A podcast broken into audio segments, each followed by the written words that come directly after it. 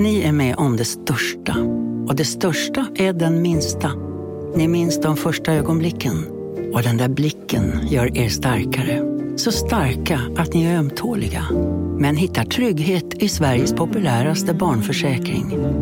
Trygg Hansa. Trygghet för livet.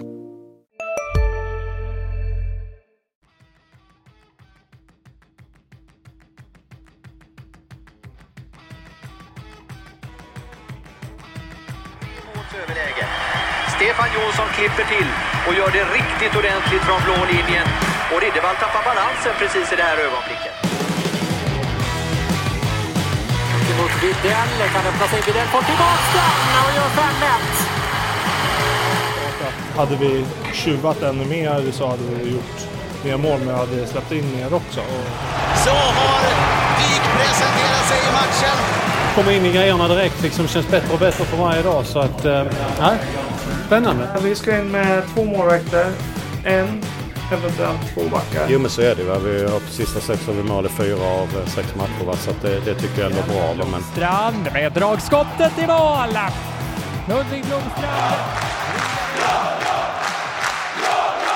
Ja, då är vi igång till slut då med avsnitt 92 av Sportklubben och vilken vecka det har varit. Det har varit en eh, rörig vecka för oss här eh, och eh, framförallt för mig kanske som har haft lite sjuka barn och annat som har ställt till det.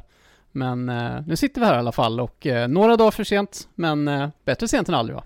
Alla våra cirklar har rubbats men vi återställer väl dem med det här avsnittet sent om sidor tänker jag. Precis, och ja, Andreas Hansson här, Marcus Langbrandt eh, i studion och ska prata om, ja, vi hamnar ju mitt emellan matcher nu istället, helt enkelt. Och eh, ja, Almtuna igår och BIK imorgon, eh, Mm. så som det är idag, denna torsdag. Precis. Ja, det har ju varit lite stökigt för oss med tid- tidigare under försäsongen med tanke på hur matcherna har legat med tisdagar och sånt när vi vanligtvis brukar spela in det här då, men eh, ja, nu får vi ladda på här och inför det som ju blir genrepet helt enkelt. Precis. Ehm, ja, vi ska prata lite om Almtuna-matchen, vi ska prata lite om genrepet. Vi ska ställa oss lite frågor kring eh, laguttagningar inför premiären nästa fredag och eh, eh, ta upp lite sillysnack också i det här avsnittet. Och ja, igår Gränby ishall. ehm, Har du tinat upp? Ja, jag, precis så att jag har, har tinat upp faktiskt efter en, en kväll i eh, isladan. Eh, den värsta hallen i Hockeyallsvenskan, eh, tycker jag i alla fall. Eh, framförallt sett till hur mycket man fryser. Än så länge har jag sluppit åka dit och vad jag förstår på ditt och Antons snack sen tidigare så har väl du dealat till dig de matcherna tidigare? Oj, oj, oj. Vad är det jag hör? Du har inte varit där alltså? Nej! Ja, men då är det ju du som ska åka dit nästa gång i alla fall, tror jag. Ja, där ser man. Okej. Jag tror det är 4 oktober tror jag det är eh, nästa gång. Mm, vi får väl se vem, vem det är som jobbar då enligt schema. Jag tror att det är jag, men jag tror nästan vi får lägga om schemat nu här så att du får uppleva det här. Ja, Pierre- det eller kanske Pierre. måste. Nu sa jag Pierre igen. Dominic eh, Turgeon, han eh, tyckte att det var en upplevelse i alla fall. Han tyckte det var lite coolt faktiskt att, att få se en, en eh, svensk liten ishall. Ja, ja, men det är nog eh, nyttigt. Man ska vara förberedd på allt. Vissa saker kan ju hemmalag använda till sin respektive fördel. Mm. Ja, jag vet inte hur mycket Almtuna använder det där, men eh, ja. Borde kunna göra. De eh, ja, skulle må bättre av en, en större arena i alla fall och eh, har väldigt svårt att attrahera folk till att gå och se Almtuna. Det verkar vara väldigt lite intresse för Almtuna generellt. Nu ska vi inte fastna vid dem här, men... Skulle det komma mer folk till deras matcher om de hade en, en större hall tror du? Alltså jag tror att, eh, så här, jag tror att eh, utifrån vad jag har hört, och jag pratade lite med UNTs reporter där på plats igår och, och ja, vi pratade just om det här lite grann att, att eh, vi har ju så stark tradition av att följa SSK i Södertälje och det spelar ingen roll vad SSK gör så är de ändå det mest populära laget, det som Mm. folk bryr sig mest om. Och i Uppsala är det väl lite tvärtom då för Almtuna att det spelar ingen roll vad de gör så kommer ingen bry sig i alla fall i Uppsala om vad de gör. Eh, så att de behöver ju en ny publik. Eh, alltså de, det finns en väldigt tydlig eh, tradition kring att följa till exempel Sirius fotboll, Sirius bandy. Ja. Eh, Storvreta innebandy har ju en väldigt stark liksom, eh, ja, supporterskara som Mm. går på matcher och, och de har ju ett hyfsat snitt. Eh, nej, det är väl inte så högt men 1300 tror jag i snitt hade de förra säsongen i alla fall. De kan väl nå upp på en 2000 i alla fall. 2000 som bäst. Mm. Men eh, ja, Almtuna har inte riktigt någon sån stark tradition. Utan folk håller på kanske Brynäs, Leksand och alla de här klassiska snarare. Ja, det är för nära till Gävle till exempel. Till exempel. Så ehm, ja, nu ska vi inte fastna på Almtuna, men ehm, de kämpar på Mm. i, i Gränby ishall. Och har ett intressant lag, men SSK vann den matchen och eh, gjorde en väldigt stark första period. Ja. Eh, gjorde en klart sämre andra period. Och eh, ja, red väl ut det hela till slut i alla fall då i tredje och, och ryckte upp sig lite grann.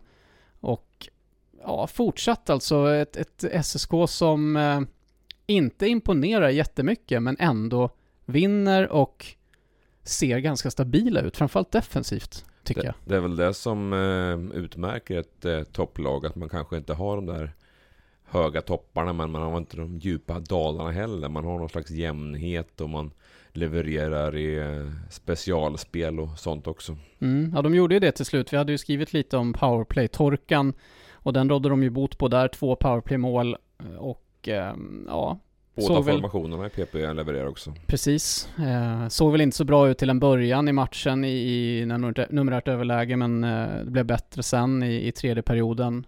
Och eh, ja, eh, Eh, jag vet inte, jag kan liksom inte riktigt sätta fingret på det. det, det de vinner matcher, ändå känns det som att det är ändå någonting som saknas sådär i, i framförallt fem mot fem och det är Ja, man är liksom kanske på tvåans, treans växel, max. Eh, det kanske är en positiv sak trots allt, eftersom det ändå bara är försäsong. Om man vet att det finns mer att ta av. Det hade ju varit annorlunda om man eh, var, var lite osäker på eh, olika id- individuella spelares eh, kvaliteter, färdigheter, toppar och sånt. Ja. Jo, alltså de flesta ser väl helt okej ut också på isen trots allt. Mm. Och, eh, Det är inte så mycket mer att sakna sådär. Det är väl eh, några nivåer till. Och ja, borde man bli oroad? Kanske inte ändå. Nej, alltså som alla säger, det är ett maratonlopp och lång säsong och sånt. Och, och det är inte nu de ska vara som bäst heller. Men eh, om man ändå har någon slags grund på plats och vet ungefär vad man håller på med så tror jag att det här kan växa på det här sättet. Det är inte så där många orostecken om man ska se till helheten. Mer än kanske ja, att det än så länge inte har trummats igång på allvar. Men det, det kommer väl antar jag. Och den här ojämnheten i matcherna har ju varit eh, återkommande egentligen hela försäsongen. Att man är bra i någon period, särskilt i den första har man varit bra. Och sen så, som jag tolkar i alla fall, att man, man märker att man är bättre än motståndarna och kanske inte riktigt går in för det hundraprocentigt sen. Eh, det var ganska mycket så i Danmark, det var så mot Västervik, det var så igår också tycker jag. Att, att man var klart bättre, 15-4 i skott i första perioden Ja. mot Almtuna. Ett Almtuna som ändå slagit AIK på försäsongen två gånger, slagit Brynäs Mm. ganska så nyligen. Eh, och ja, det är svårt att jämföra resultat på det sättet, men ändå, Almtuna kommer inte vara någon slag på sig i, i serien den här säsongen.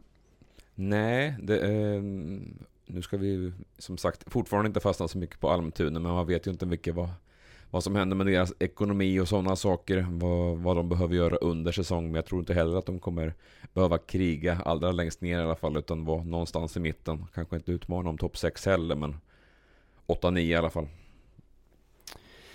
Det tror jag också, absolut. Eh, man kommer vara ett av de sista slutspelslagen in. Eh, och eh, ja, intressant eh, vad de har på gång. Men SSK också, just att de är så pass, att SSK är så, visar den kapaciteten emellanåt.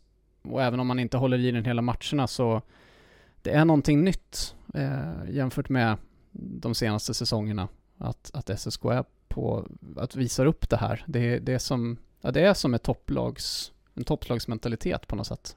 Det finns Faktiskt. en annan förväntan och eh, begäran utifrån. Man har en annan offensiv bredd och sånt. Det, ja, emellanåt kan det kännas att det känns lite för bra och för stabilt. Så då, då vet man ju vad som brukar kunna hända. Både i SSK och på andra ställen. Mm. Jo, precis. Och det, det är nästan som att man... Det kommer inte bli så den här säsongen. Så, så är ändå min känsla det är en positiv känsla. Alltså det, det kommer nog inte bli dåligt. Eh, och när hade SSK två bra säsonger i rad senast? Det, det är väldigt länge sedan. Det har varit väldigt upp och ner, ja. Och det... Nej, jag får ändå känslan av att det... Nej, SSK kommer faktiskt bli rätt bra den här säsongen. Eh, Mm. Men det är försäsong och eh, mycket kan hända. Eh, och ojämnheten kommer väl också av att, att eh, man inte har spelat ihop kedjekombinationer särskilt mycket så här Mm. långt. Eh, ja, vi, Nej, man har ju inte haft eh, alla de som ska tugga mest eh, istid. Framförallt bland kedjorna än så länge. Eh, Videll och Dyk till exempel, de kommer ju logga en hel del. Ja, men så är det ju absolut. Eh, och, ja, vi kommer in på kedjekombinationer och, och sånt lite senare och, och ska väl eh, försöka komma med ett förslag om hur SSK ska ställa upp i, i seriepremiären, kanske både med och utan Dyk och Videll. Ehm, och eh, ja, vi återkommer dit. Men eh, vi måste snacka lite grann om Dominic Törjon då. Mm. Två målskytt och, Äntligen. eh, ja, och var väldigt lättad och glad efteråt. Förstår jag. Och man frågar sig ju då, har det lossnat nu för SSKs eh, senaste centertillskott? Ja, vad är det som ska lossna framförallt? Han är ju inte hitplockad för att göra målen framförallt, även om man som utländsk spelare har en annan eh, förväntan, ett annat tryck på sig att leverera. Eh, sen är ju han med för att eh, skapa någon slags balans. Och eh, med tanke på hans erfarenhet, klena erfarenhet av stor is sen tidigare så har det varit mycket att eh, sätta sig in i, ta sig in i spelmässigt och han har nog behövt de här matcherna på försprånget för att verkligen förstå vart han ska vara någonstans. Det, ja, det, det skiljer en del mot vad han har gjort tidigare så. Ja, alltså även om inte det eh, som du säger, han är inte värvad för att göra en massa mål så är det klart att det är väldigt skönt för honom att få göra mål. Och Ja. det, det märktes ju på honom också efteråt att det, det betydde ganska mycket. Det är väl sånt som gör att man får en boost av, ja, inte bara att man har varit bra i tvåvägsspelet utan Mm. faktiskt bidra med mål. Kanske ännu mer för eh, de killarna som kanske inte vanligtvis gör så mycket mål och poäng heller. De kanske lyfts ytterligare någon nivå. Målskyttarna, de, de vet att det är där de ska göra liksom. Så att det blir väl snarare tvärtom. Att om, om de inte gör mål, då blir det nog en, en, en annan eh, spiral så att säga. Ja men precis. Eh, Men, men eh, på frågan om ifall det har lossnat så eh, mycket möjligt. Jag tycker i alla fall att bortsett från målen så var han faktiskt väldigt bra igår. Mm. Eh, han vann tekningar, det var flera gånger, framförallt någon gång som jag tänkte att han gjorde en otroligt smart tekning. Där han eh, ja, grundlurade egentligen motståndaren, tekade lite framåt och samtidigt tog pucken bakom ryggen på motståndaren och passade den faktiskt till en, med, alltså en, en eh, medspelare. Och det var en väldigt snygg tekning som man inte ser särskilt ofta. Inte eh, den här vanliga klassikern, bara in och stöta. Ja, nej, så att eh, han är ju, han, han säger ju själv att han är en bra tekare och kanske börjar man se lite av det också. Eh, det är inte något som har stuckit ut för mig tidigare i matcherna sådär. Eh, inte för att han har varit dålig heller, men, men nu tycker jag att han stack ut på det sättet och att han också var väldigt bra, vann dueller i defensiven och var med defensivt hela tiden. Men också bidragande offensivt, hade fler avslut på mål faktiskt, förutom de här målen. Och tidigare har man ju undrat liksom, har den här killen skjutit ens ett skott på mål i någon match? Mm. Så kanske tar det sig trots allt för Dominic Törjon. Ja, och sen duellspelet med. Det har väl varit lite upp och ner för honom. Man märkte ju mot eh, Västervik så var han ju inblandad i duell lite på fel sätt också. Ja men precis, eh, tog faktiskt inte upp det med honom här. Eh, skulle jag ha gjort, pratat lite om, om hur han såg på det. Men Mm. han blev ju faktiskt inte avstängd. Hade han blivit det hade vi ju verkligen pratat med honom om det. Eh, lite förvånande att han inte blev det faktiskt, ens någon match. Nej. Får han vara glad för. Ja men faktiskt. Slapp han böta kanske också några tusen lappar eller sådär. Ja, det blir till interna kassan istället. Mm, kanske blir det det ja, eh, för ett matchstraff. Eh, Men eh, ja, vi får väl se. Vi ska väl inte ropa hej än vad gäller Dominic Törjon, men, men positivt såklart. Kanske det mest positiva att ta med sig från den här kalla kvällen då i Gränby ishall. Mm. Powerplay också utdelning då som vi sa eh, och eh, eh, också det är positivt naturligtvis. Eh, fick jag faktiskt en fråga om det. Vi ska väl ta upp frågor löpande under hela avsnittet såklart när vi kommer in på de ämnena. En journalistkollega till oss, Kenny Wies på Norrköpings Tidningar, han undrar hur många poäng Macke Eriksson gör den här säsongen. Och jag tror han hade eget förslag på 46 poäng. Jaha. Eh, och han frågar också om Macke kommer spela i Powerplay 1 i, den första PP-formationen för SSK. Eh, men ehm, ja, Ken eh, känner ju Macke väl såklart eh, efter åren i Norrköping. Eh, och det är ju en toppspelare såklart. Eh, gjorde ju ett, ett snyggt mål igår. Ja. Eh, väldigt smart, ett av de där powerplay-målen. Eh, när han eh, i vänstra cirkeln stod han då och eh, ja, alla väntade väl på en passning egentligen. Och back, eh, Almtunas eh, försvar backade undan lite Mm. och, och då sköt Macke Eriksson själv helt enkelt. Ja. Och det är väl bra tänker jag att han inte blir för enformig och lättläst med att det bara ska passas hela tiden. Ja, nej men eh, som sagt. Han har ju passningsspelet, spelförståelsen, spelfördelandet som eh, sin kanske främsta egenskap. Och eh, ja, då öppnar sig andra möjligheter om eh, motståndare blir för, för passiva och täcker av passningsvinklar och sånt istället. 46 poäng, ja det, det är många som kanske har den här förväntan på sig att göra upp mot de här 50 poängen och många som slåss om ungefär samma speltid och eh, samma ytor i powerplay så eh, ja, säg 35 då. Ja, vet du att det är precis det jag har tänkt mig också Okej, faktiskt. ja. 10 mål, 25 assist har Ja. jag funderat på. Men det Varför kanske är inte? för lågt, jag vet inte. Mm. Det, ska han spela powerplay, vilket han ju ska naturligtvis, och SSK får bra fart där så kanske han kan lägga till, jag tror inte att han kommer göra mer än 10 mål, inte så jättemycket mer. Men kanske en del assist till. Ja, Mer än 25. Kan han göra 30 assist? ja, 28. 28 assist. Mm. 10 plus 28. Mm. 38 poäng, ja.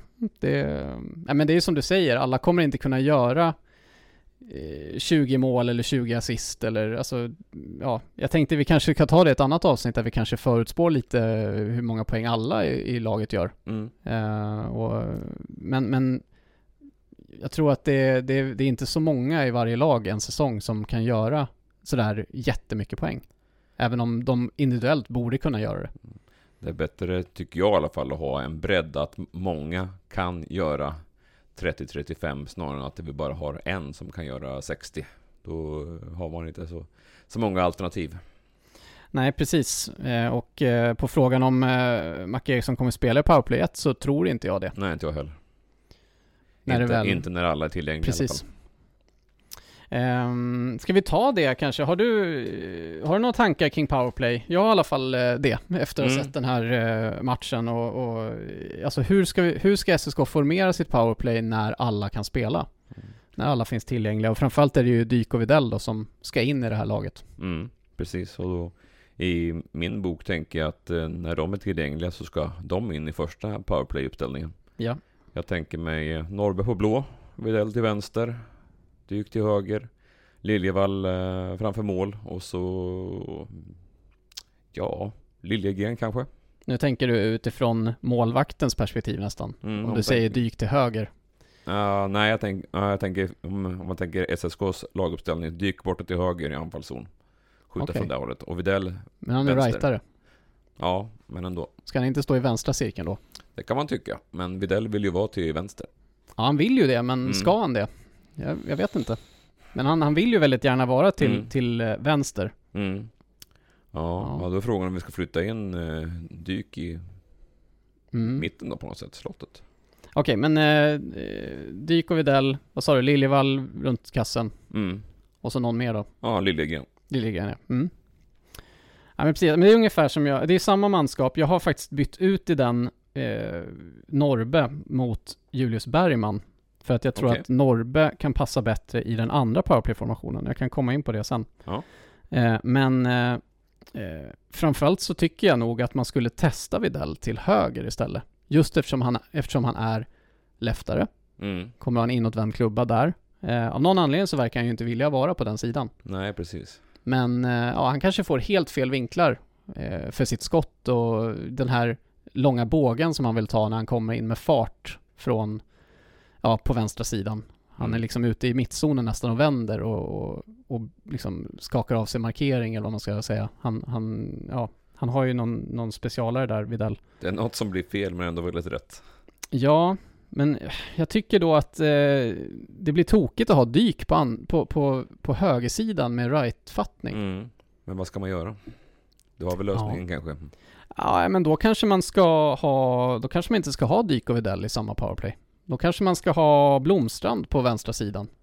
Med Mm. en left missuppfattning. Men han vill ju vara på högra sidan, Mm. trots allt. Mm. Han vill ju gärna vara där. Han vill ju Normalt. inte skjuta direktskott. Han vill ju ta emot den och nästan skjuta sitt dragskott, Blomstrand. Ja, klurigt. Ehm, man tycker att det borde finnas eh, jättebra, eh, ja vad ska man säga, pusselbitar för att formera bra powerplay. Men de här, normalt sett vill man ju ha inåtvända klubbor i powerplay. Såklart. Men de här två vill inte ha det. Nej, och vi kan inte lära Dyk att bli leftare va? Det kan vi inte och eh, jag gissar att eh, Videll kommer inte vilja rucka på vart han ska vara i powerplay. Nej, han, han vill väl göra som han gör. Annars så tycker jag att det hade varit eh, värt att testa faktiskt. Men eh, det kanske vänder upp och ner på alltihopa. Eh, men annars så, ja, jag köper väl det. Man får väl, man får väl ha, ja jag vet inte. Man får väl ha Dyk och Widell ihop. Men eh, jag är inte helt övertygad över den faktiskt. Eh, och jag har inte sett så mycket av det heller så att eh, Nej, det är svårt när de aldrig är med. det är ju det. Eh, vi får väl se om de är med i seriepremiären båda två. Det är, ja, svårt Dyk att säga just nu. ensam va? Mm. Widell mer trolig. Mm. Men eh, ja, okej. Ehm, om vi ska ta Powerplay 2 då. Eh, vilka vill du ha in där? Ja, det är väl en smaksak vem man vill ha på, eh, på blå här. Eh, någon av eh, Vainios i alla fall. Okej. Vill jag ha där. Mm. Eh, Eriksson, vänstra cirkeln. Blomstrand, högra cirkeln. Mm. Eh, Alba närmast kassen och eh, Engsund slottet. Ja, nej, men det är väl inget fel eh, med det egentligen. Eh, jag, jag, ja, av, någon anledning, eller av, av, av en anledning som jag ska berätta så har jag en högerfattad back här. Ja. Ehm, eh, nej, förlåt. Det har jag inte. Förlåt. Nej. Nu har jag ju eh, Daniel Norrby i den här. Nu har du Norrby, ja, I precis. den här Powerplay, Powerplay 2. Så ska jag säga. För att eh, eftersom man bygger från vänster som du säger med Marcus Eriksson, Mm. vänstra cirkeln. Han är ju en passningsläggare framförallt. Och då Ja. är det mycket lättare för till exempel Daniel Norrby att skjuta direktskott med Mm. passningar från Marcus Eriksson. Ja. Därför tänker jag att det är smartare att ha en leftback i den här powerplay-uppställningen. Mm. Och då byggs det mycket från Marcus Eriksson. Han kan slå passningar till eh, spelaren i mitten. Han kan slå passningar över till Blomstrand, eh, som du sa då. Eh, och eh, ja, så har man Alba runt kassen. Mm. Eh, På ja, samma sätt som Videll och Norrby hade den kemin stundtals i fjol. Framförallt Precis. efter nyår. precis. Så där, där tror jag det skulle vara bra. Däremot tänkte jag faktiskt inte på Vetevainio alls. När jag, jag vet inte varför jag glömde bort honom. Han har väl inte visat tillräckligt än så länge, men Nej. Det finns ju faktiskt tre högerfattade backar som Mm. lite aspirerar på att vara i ett powerplay, i en powerplay-uppställning. Och det är ju Vetevainio, Julius Bergman och Olli Vainio. Mm. Ehm, så, ja, och även egentligen om man vill eh, ha en rightare på vänstra sidan så borde Rasmus Eks- Ekström kunna vara under eh, övervägning i alla fall. Ja, de gånger han som han eh, är med i truppen och jag antar att han, han slåss om en och vara med där i alla fall. Mm. Nej, precis. Det är ju, det är ju nästa grej då, eh, ifall han får plats eh, överhuvudtaget. Men eh, det här är klurigt och eh, en annan grej som jag också är lite fundersam kring det är om Dominic Turgeon spelar in sig i ett powerplay eh, just för sina tekningar och att han faktiskt gjorde mål nu i Mm. i en position faktiskt till höger. Så det är lite, det är lite Blomstrands eh, position kan man väl säga. Eh, den kommer han ju inte att ta, men han kanske skulle kunna stå mer centralt och Ja. finnas in i mitten då. Tänker att han tar Engesunds plats kanske. Ja, Mm. man kanske vill ha honom inne på isen i alla fall just Ja. för att ta tekningarna. Om Ja. han skulle visa sig vara lagets bästa tekare. Ja, det beror på hur pass utsatta lägen det är i matchen också kanske. Mm. Men ehm, ja, den här, den här varianten med Dyk och Videll, den är ju väldigt fin på pappret, men Mm. hur ska man få ihop den rent konkret på, Mm. på riktigt? De får inte bli för stationära i alla fall. Nej, det är det också. Så, ehm, men de kanske är tillräckligt kreativa för att lösa det helt enkelt på, med felvända klubbor. Ehm, ja. Men ehm, då blir det ju, om, om vi säger att Videll fortfarande är på vänstra sidan, ja, då vill du ju inte ha en högerfattad back där längre, Nej. trots allt. Nej. Men då vänds ju allting, då blir ju allting snett. Alltså då ska du ju fortfarande ha Marcus Eriksson i den andra powerplay-uppställningen på vänstra sidan. Mm. Men då vill du ju inte ha en högerfattad back där. Nej. Så då blir det ju fel där i alla fall. Då, Mm. då, då kanske du vill byta plats då på Marcus Eriksson och Ludvig Blomstrand, men då hamnar Blomstrand på fel ställe. Alltså, Mm. alla pusselbitar matchar ju faktiskt inte då. Nej. Det blir tokigt. Eh, ja. Får se om eh, jag ska väl... När vi spelar in där så ska jag snart ner på träningen. Så jag antar att de nöter lite PP idag. Jag hoppas det. De gjorde ju inte det i tisdags faktiskt. Eh, så vi fick inga direkta, direkta fingervisningar om det här. Och, men eh, vår kollega Anton, han pratade ju med Bogren om det här och gjorde en artikel. Och Bogren var ju otroligt lugn. Mm. Inte alls orolig. Ligger inte sömnlös om nätterna och, över att tänka på det här. Det hade jag kunnat göra faktiskt då som det, så klurigt som det är trots allt. Att formera det här. Ja, men han har väl det som jobb så han kanske lägger all sin vakna tid på det istället. Han gör väl det kanske. Eh, vi får väl hoppas det nästan. Mm. Ja, eh, klurigt. Och eh, ja, har ni egna tankar och funderingar om det här så eh, kan ni alltid gå in i chatten när vi har den. Eh, eller så kan ni ju höra av er till oss på något sätt. Hur ni tycker att SSK ska formera sin powerplay-uppställning. Och innan ni gör det så kan ni ju vänta tills vi har pratat om kedjorna också och hur de ska vara uppställda. Eh, men vi tar det lite senare. Först tänkte jag hoppa vidare till eh, lite sillerrykten. Eh, och det har väl inte varit så där jättemycket egentligen, men vi fick ju en liten halvbomb som, ja, jag vet inte, men Jonas Ahnelöv, Mm. VM, OS-meriterad, Har du också valt att bli egen? Då är det viktigt att skaffa en bra företagsförsäkring. Hos oss är alla småföretag stora och inga frågor för små. Swedeas företagsförsäkring är anpassad för mindre företag och täcker även sånt som din hemförsäkring inte täcker. Gå in på swedea.se företag och jämför själv.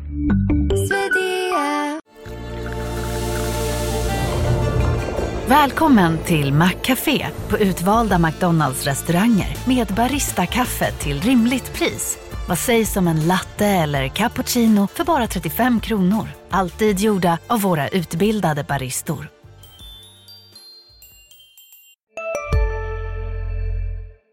varit i KHL en massa säsonger och, och lagkapten i SHL och så vidare och så vidare. Väl, Sportchefen hade ett eh, drömnamn i alla fall när han pratade med Aftonbladet här i förra veckan. ja, precis. Alltså det var väl lite sådär att Aftonbladet nästan bollade upp den för Georgsson att smasha in och så gjorde han det åt dem Mm. nästan. Det var, ja, det var mest en spekulation egentligen som blev Ja. någorlunda konkret, men Mm.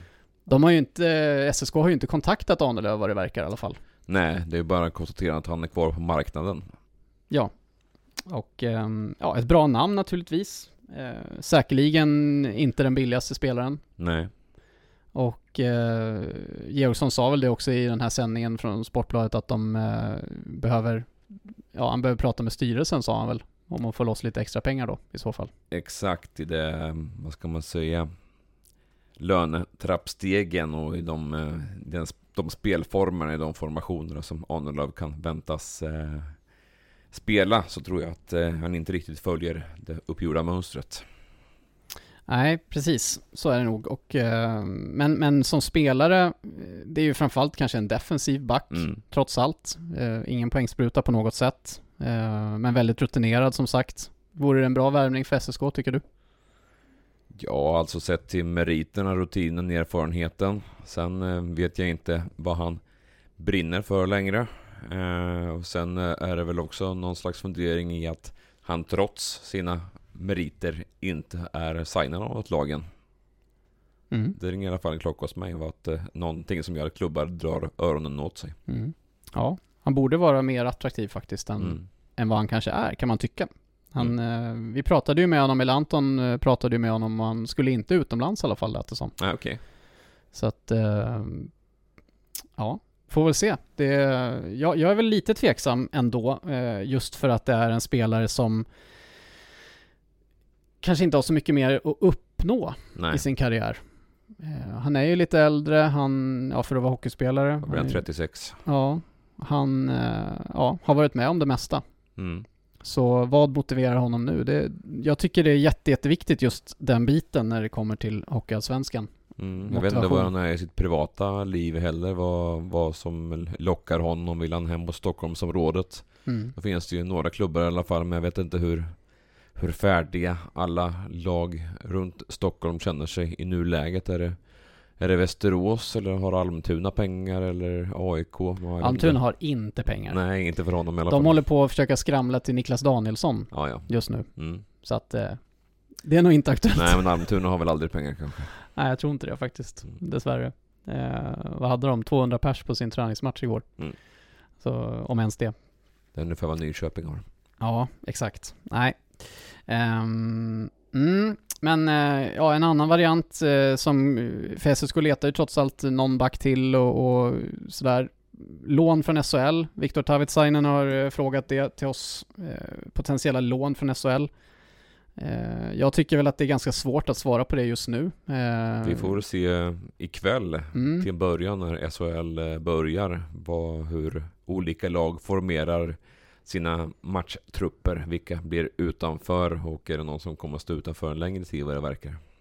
Ja, men det mest uppenbara är väl att Modo ska göra sig av med några backar så småningom det. och, och det finns väl några aktuella där som skulle, eller som skulle kunna bli aktuella.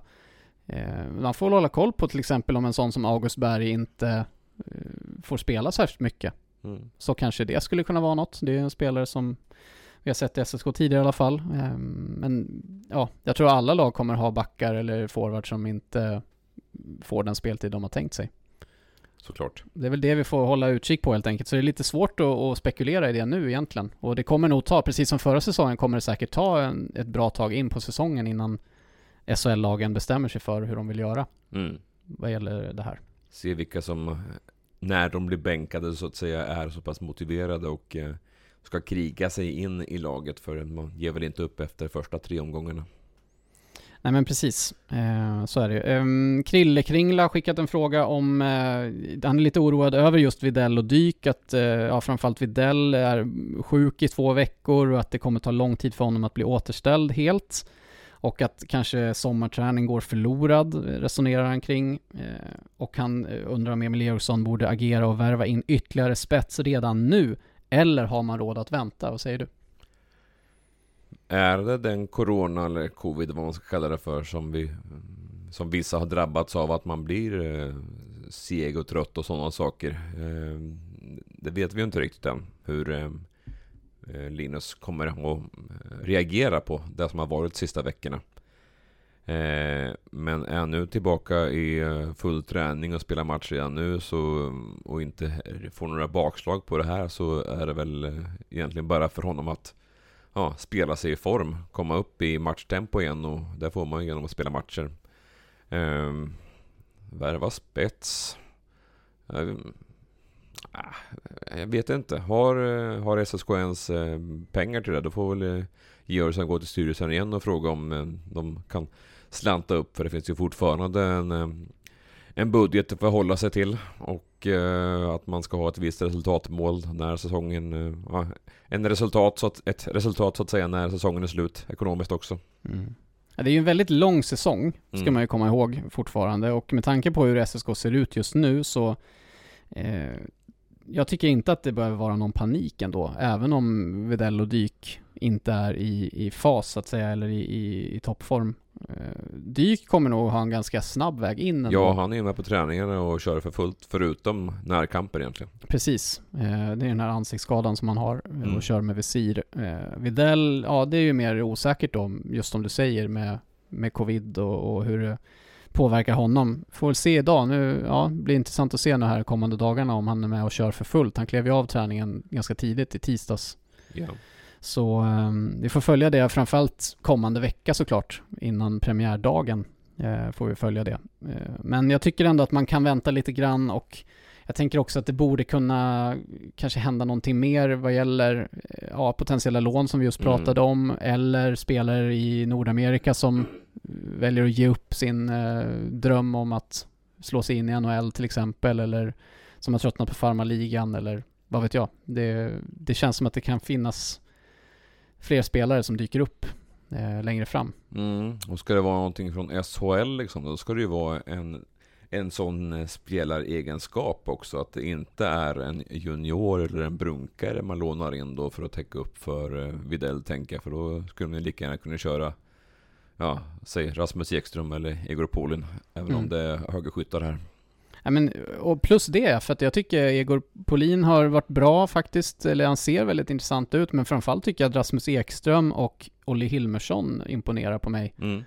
Mer än vad jag trodde de skulle göra. Sen är det försäsong och det där har man ju sett förr med juniorer som, Mm. som är väldigt bra på försäsongen och sen hänger de inte med när alla andra steppar upp. Men eh, jag tycker så här långt så har de överträffat mina förväntningar i alla fall faktiskt. Det har sett intressant ut. Hilmersson såg ju redan i början av förra säsongen när han fick sina in- inhopp att han gjorde väldigt mycket av den lilla istiden han ändå fick. Mm. Så äh, vi, vi avvaktar lite med, med spetsvärvningar då. Eh, kan vi väl bestämma oss för. Ja. Just nu i alla fall.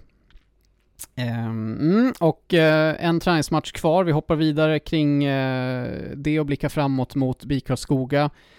Fredag kväll i Scanarinken och vill ni sitta hemma i soffan och käka chips istället så finns matchen på lt.se. Ja. Sista matchen vi sänder nu på ett tag med SSK. Mm. Men eh, missa inte att vi har massa innebandy och basket som kommer eh, längre fram. Nykvarns eh, SSL-säsong, den historiska, den sänder vi hela säsongen och både SBBK här och dam eh, sänder vi ju. Mm. Eh, Lite avgörande fotbollsmatcher är kvar också. och det också, precis, icke att förglömma. Så att eh, det finns mycket livesport kvar på LT, eh, även när vi slutar sända SSK. Men det har varit väldigt kul att vi kan sända SSK. Sista matchen då, BIK Karlskoga hemma. Eh, vad vill vi se mer från laget nu? Eh, finns det något mer att, eh, att spåna efter?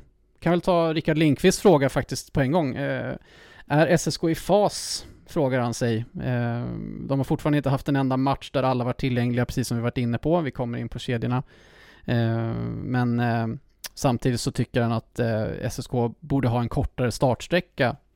Ja, de bygger mycket på kontinuitet såklart. Eh, och där har han ju en poäng, så att det kanske väger upp för att man inte behöver, alltså att man inte har haft alla tillgängliga än så länge. Är de i fas? Det är de väl inte med tanke på som sagt det är eh, några som inte har varit med så där särskilt många träningsmatcher. Det är fortfarande gubbar som inte vet om de kommer spela premiären. Eh, kanske inte så många som har spelat i sina tänkta formationer särskilt många matcher. Samtidigt så, eh, ja, det, det finns redan på plats på något sätt. Även om det är mycket nytt så är flera av de här återvändare. Det tar kortare tid att komma in i grejerna. Eh, ja, förra säsongen var det mycket nytt både på och utanför planen. Nu finns det redan som någon slags eh, grundstruktur i allting. Ja, men lite så är det ju. Och eh, eh, de är ju inte i fas, det är de ju inte, men samtidigt Ja, det, det ser ändå ganska stabilt ut. Mm. Och det är väl det just, alltså apropå startsträcka också, det är en kortare startsträcka just vad gäller grundspel och försvarsspel och, och Mm. de, de grejerna sitter på ett, ett annat sätt än tidigare. Ja, det var bara några. Det skulle skruvas lite grann, filas lite grann liksom. Men i övrigt så vet ju spelarna, de flesta, vad de har att förvänta sig av sina tränare. Och man är väl aldrig i fas riktigt vid den här tiden på året heller. Eh, på så sätt att det bara är, allting är klart. Men, men sett till också hur dåligt det kan vara på försäsongen. Mm. Eh, tänker de här säsongerna när SSK blev överkört i Skoda Trophy till exempel. Och, och när man undrar liksom vad ska det bli av det här egentligen? Så är ju det här någonting annat ändå. Det är, det är en försäsong som ändå ger ett lugn, i alla fall hos mig. Mm. Och sen eh, som de själva har sagt, både spelare och ledare, att eh, Ja, tidigare kan man tjata om att eh, det, nu spelar vi inte om poäng liksom. Eh, huvudsaken är att vi tar steg framåt i eh, vår eh, spelmässiga utveckling så. Men samtidigt så är det bra att vinna matcher också. Det ger självförtroende. Även om det kanske inte allt sitter så vet man, man hittar sätt att vinna matcher på. Men har vi någonting mer att, att kika på då till den här matchen mot eh, Karlskoga?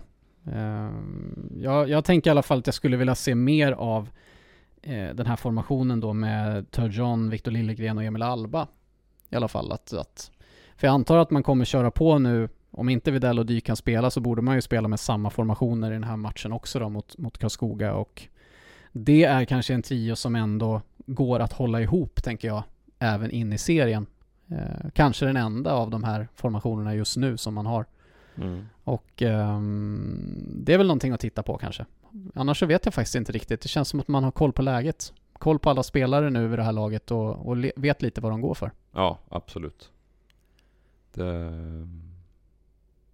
Ja, det är väl första och andra kedjan. Vilka är tillgängliga för dagen så att säga? Vilka ser hetast ut? Mm. Ehm, vi kommer in på det också just vad gäller eh, förväntningar och Anders Wiberg har frågat just om pressen som ligger på SSK. Du var inne på det lite här, eh, du nämnde det i förbifarten. Ehm, han, han just beskriver det som att eh, alla är stolta över värvningarna som gjorts och att det ja, från många håll pratas om att gå upp. Han skriver, låter lite redan som att det är klart att vi går upp. Uh, och det, jag tror inte att SSK Nej. på något sätt är en favorit att gå upp här. Men är det för höga förväntningar?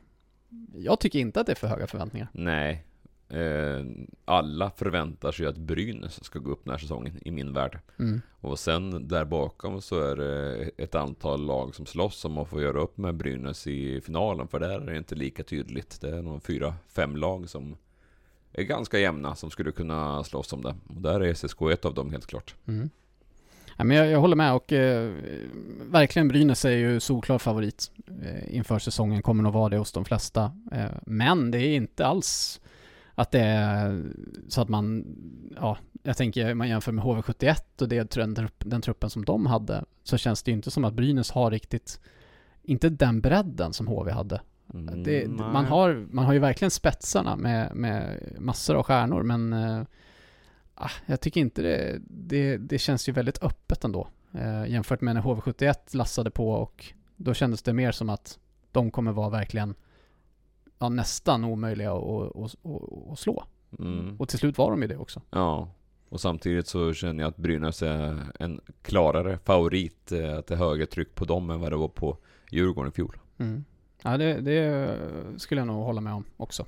Även om eh, Djurgården satte mycket mer på spel med sin ekonomi och allting mm. än, än vad kanske Brynäs har gjort nu. Eh, Brynäs har väl inte så mycket pengar egentligen att, att eh, lassa in eh, faktiskt. Det, det, hade ju Djurgården, det gick mm. inte. Nej.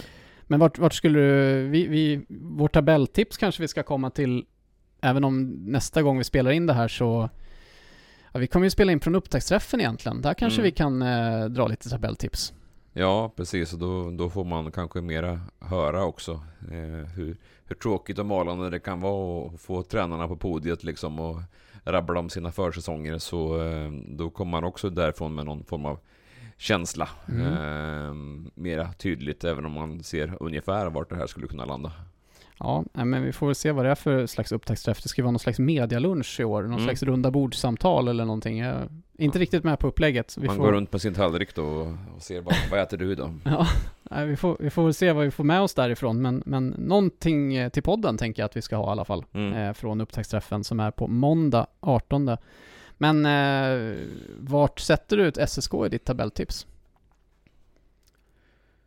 Tre eller fyra. Och du får grunna på den då till mm. nästa vecka. Ja. ja. Ja, men det är väl, det är väl där jag har dem också. Uh, men jag, jag, är lite sådär i, ja, hur högt har man dem egentligen? Är de, är de tre eller är de fyra? Mm. Vart har man Björklöven? Vart har man Djurgården? Finns det någon utmanare underifrån? Ja.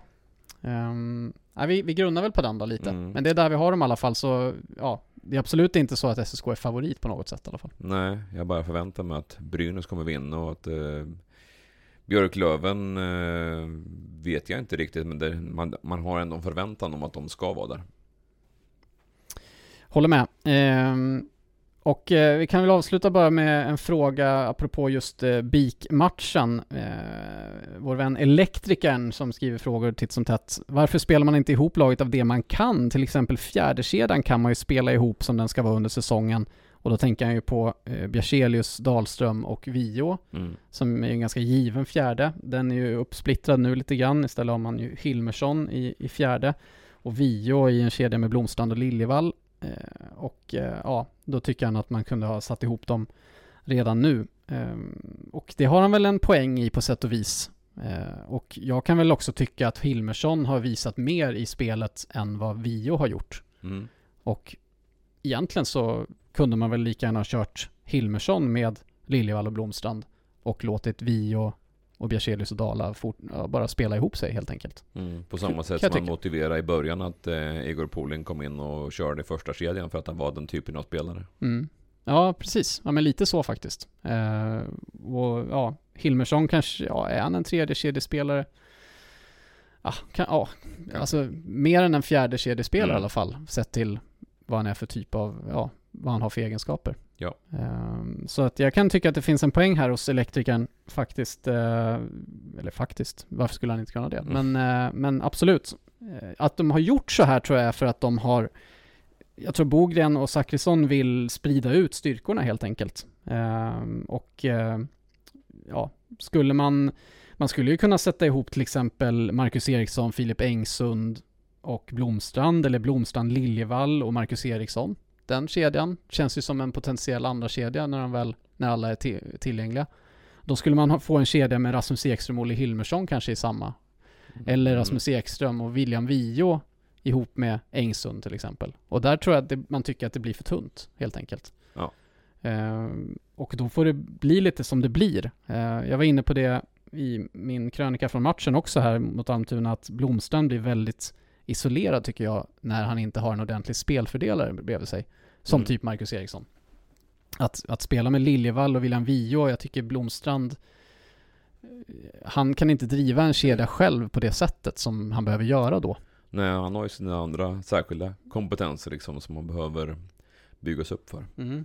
Nej, så att eh, det hade varit kul att se honom i, ihop med Marcus Eriksson faktiskt, så som det nog är tänkt från början. Men eh, det är väl därför man har valt att göra så i alla fall. Eh, och eh, vi får väl se om Videll kan vara med mot BIK, men jag skulle bli förvånad om han är det, trots allt.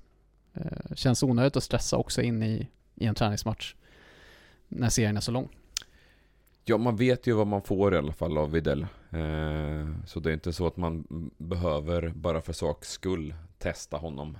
Eh, det är, ju- är, han- är han verkligen tillbaka i hundra form så absolut. Men eh, ja, man får lyssna på kroppen i det här läget tror jag. Mm.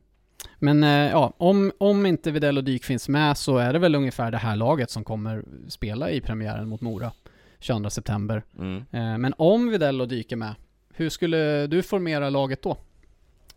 Då eh, har jag Videll och Dyk i samma kedja. Ihop med Engsund. Ja. Det är väl min första lina som Mm. det ser ut just nu.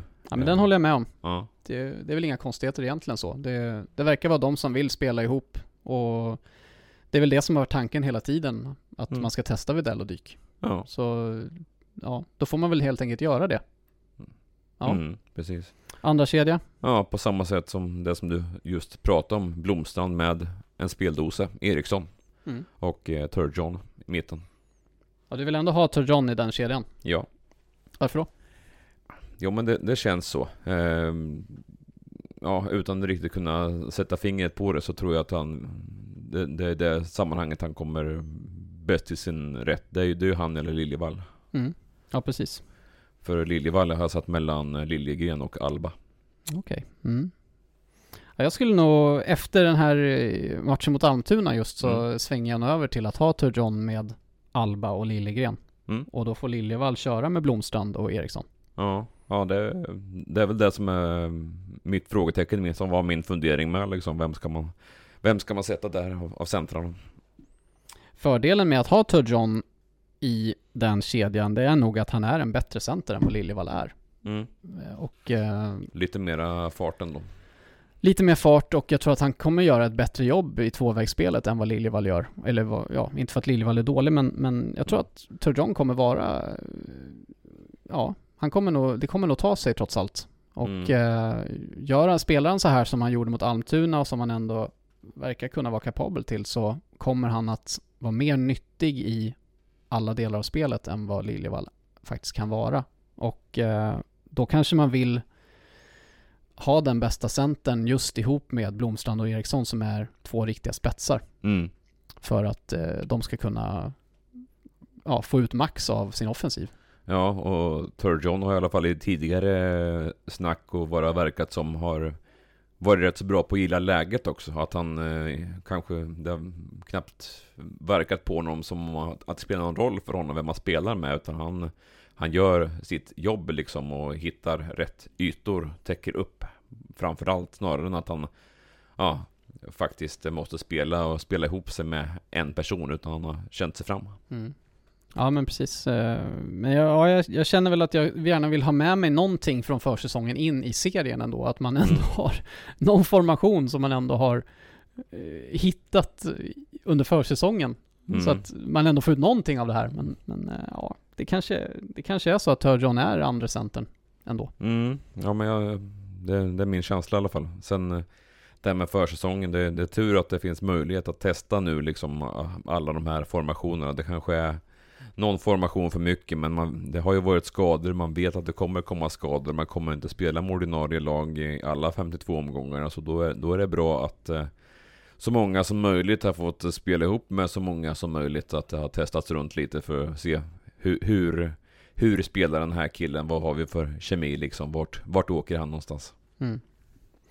Ja, backparen eh, kanske inte så mycket att säga om egentligen. Jag, jag tycker att man har hittat ändå Julius Bergman, Albin Karlsson är ju ett par. Olivaini och Daniel Norbe verkar också funka bra ihop. Mm. Och eh, ja, nu har man ju kört Viktor Gran och Henrik Malmström just eftersom Vetevainio inte är med. Men, men där ska ju Vetevainio in, Mm. känns det som. Och Henrik Malmström eh, är ju sjunde back i det här laget. Ja.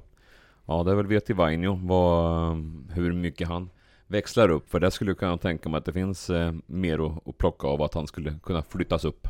Mm.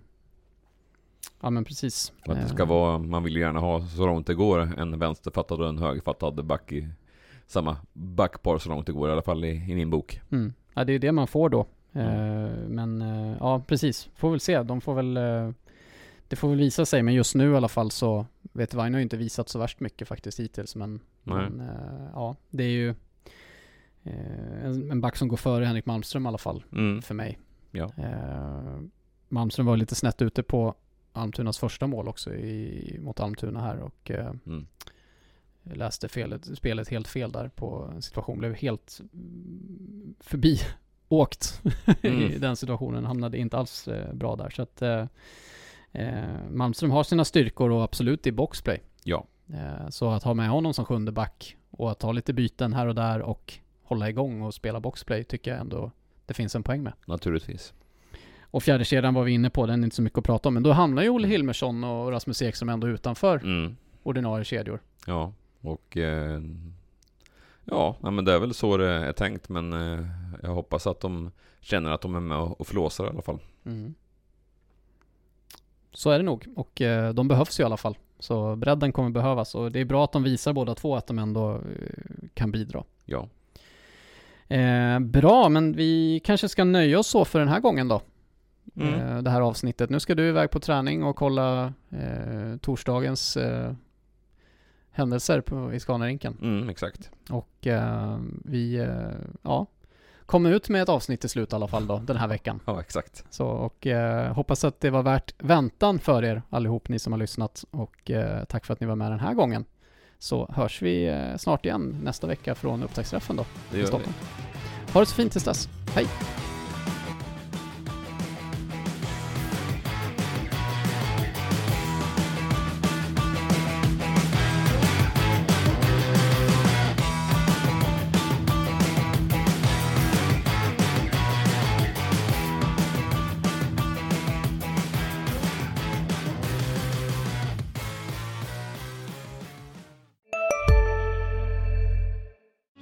Hej, Susanne Axel här. När du gör som jag och listar dig på en av Krys vårdcentraler får du en fast läkarkontakt som kan din sjukdomshistoria.